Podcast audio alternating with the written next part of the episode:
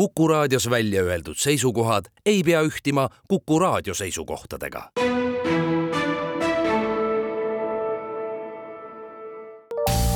terviseks. saade valmib koostöös Ida-Tallinna Keskhaiglaga. vaata ka itk.ee tere, head Kuku kuulajad, eetris on saade Terviseks ja kui eilses saates rääkisime insuldist, siis tänasel teemal jätkame. mina olen Ingela Virkus ja koos minuga on stuudios Ida-Tallinna Keskhaigla neuroloogiakeskuse juhataja, doktor Inga Kalju, tere! tere! no igal aastal haigestub Eestis insulti üle nelja tuhande inimese, kuna aju kontrollib kogu ülejäänud kehategevusi, siis kuidas võib insult edaspidi inimese kehatööd mõjutada, et milline on inimese seisund ja tervis vahetult pärast insulti?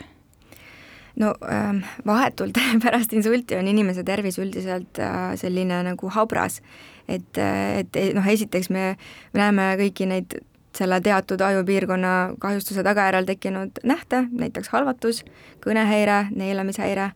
et, et see mõjutab inimest väga, väga raskelt, et äh, ta ei saa suhelda teistega või ta ei saa meist aru, ta ei saa ennast näiteks voodis keerata, ta ei saa püsti tulla, ta ei saa iseenda eest hoolitseda, et ta vajab kõrvalabi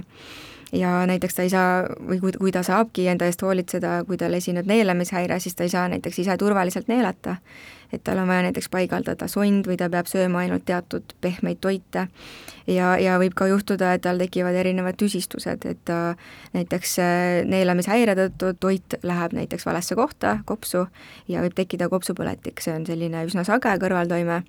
lisaks võib tekkida lamamisest äh, näiteks süvaveinitromboos ja lamatishaavandid ja erinevad probleemid. ja muidugi noh,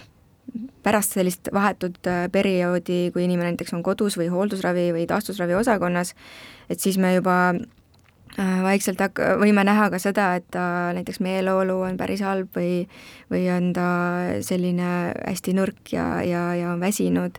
ja motivatsioon puudub täielikult, et äh, need on sellised, mis, mida me näeme hiljem, et alguses me pööramegi rohkem tähelepanu sellisele füüsilisele olekule. aga see insult mõjutab inimest ikkagi väga-väga raskelt ja, ja ta võib äh, hoopis nagu tagantjärgi välja tulla, mida võib-olla neuroloogid alguses ei, ei noh, ei näegi. et füüsiliselt tundub, et äh, patsient nagu paraneb, aga siis lõpuks avalduvad need mured hoopis vaimses tervises? jah, just, et see vaimne tervis võib ka nagu saada mõjutatud ja, ja meeleolu, eks ju, on üks, siis on erinevad ka, võib-olla ka mõni isiksushäire võib tekkida, et ta on kuidagi teistsugune üldse või, või käitub imelikult või või on tal mäluprobleeme, et see, see kõik võib jah, nagu natukene hiljem avalduda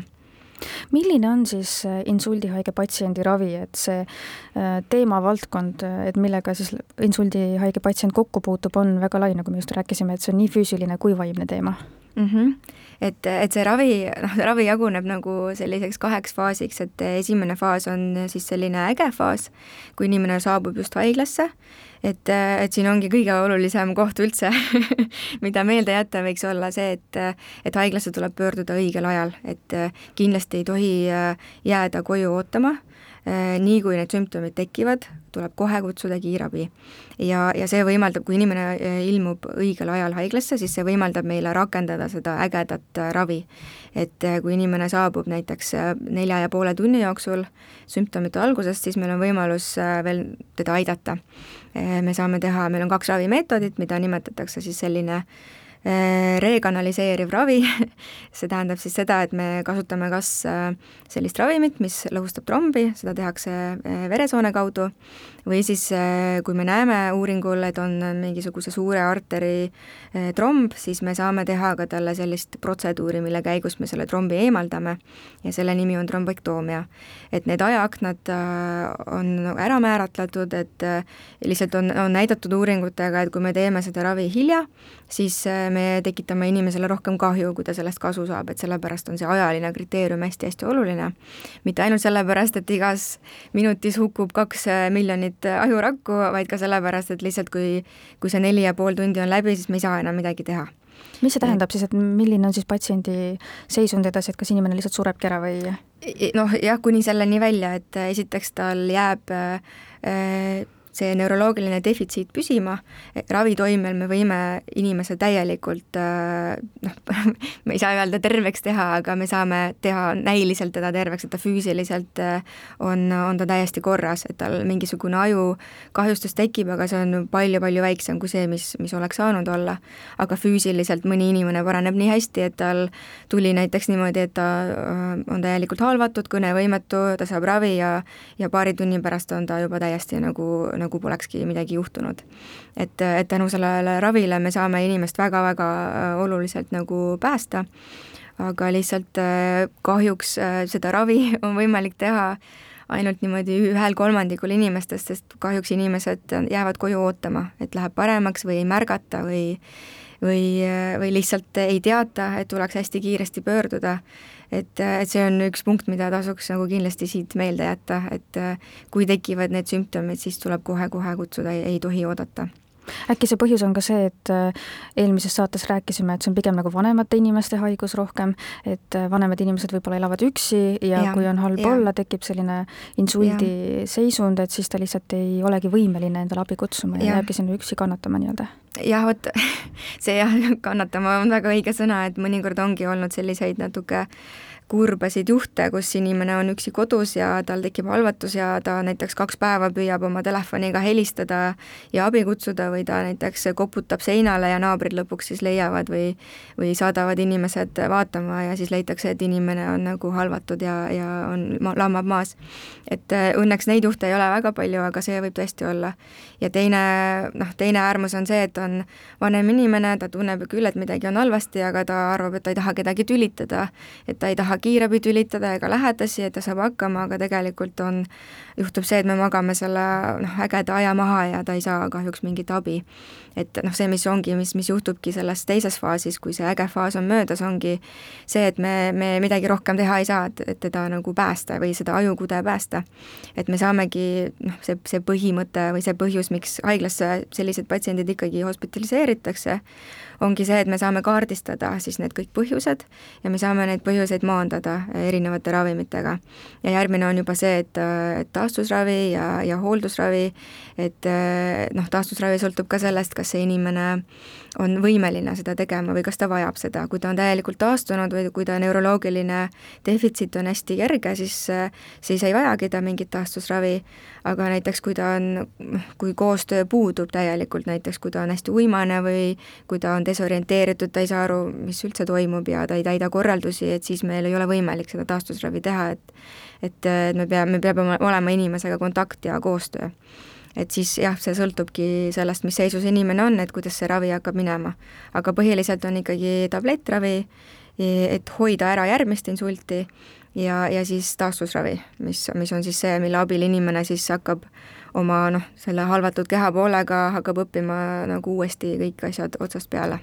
ja tablette on palju ja neid tuleb võtta väga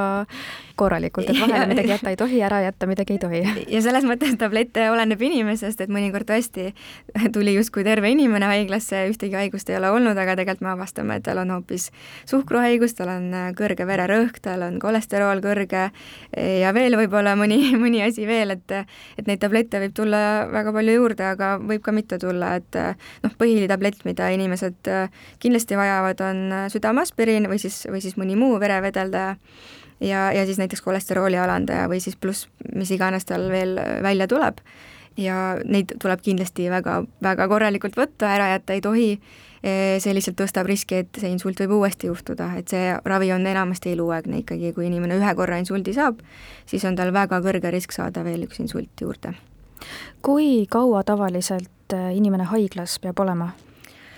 see oleneb jah, ja selle haiglas on ka mitu faasi, et, et neuroloogia osakonnas inimene tavaliselt väga kaua ei ole, et see, mis me teeme, ongi see akuutravi,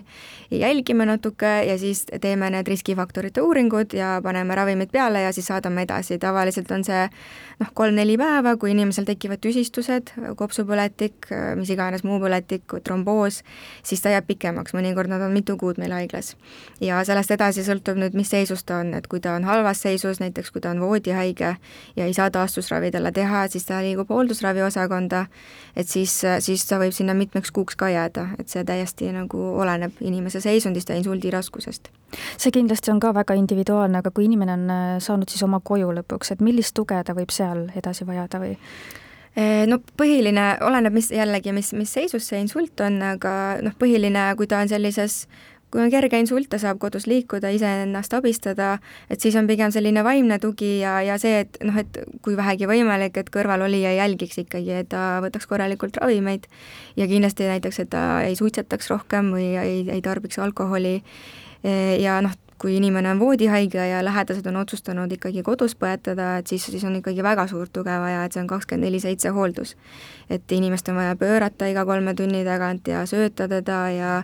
ja väga-väga palju tähelepanu talle pöörata, et see, see on inimestele küll väga nagu suureks lisa, noh, lisakoormuseks, mõni inimene lausa tuleb töölt ära. et see on, ongi selline nagu põhikohaga töökoht ja kakskümmend neli seitse töökoht nii-öelda me rääkisime enne eetriväliselt, et äh, need tüsistused või siis järelnähud nii-öelda, mis pärast insulti inimesel on, et äh, need võivad üle minna, aga need võivad ka jääda, et aga kui no niimoodi keskmiselt, et äh,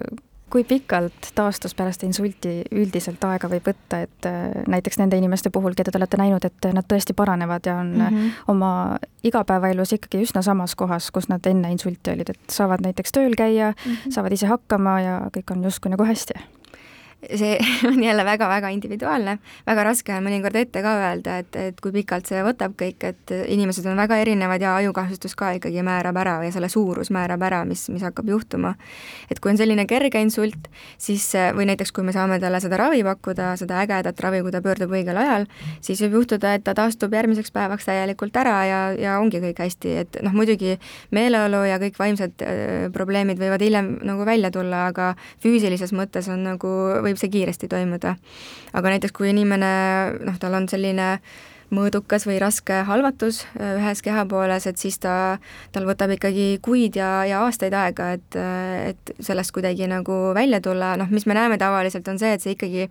ajas noh, kui inimene, kui tal just ei ole mingeid tüsistusi tekkinud, et, et me näeme, et ajas see ikkagi paraneb, et, et need noh, ajurakud on seal küll hävinenud selle piirkonna peal, kus, mis, mis vastutab selle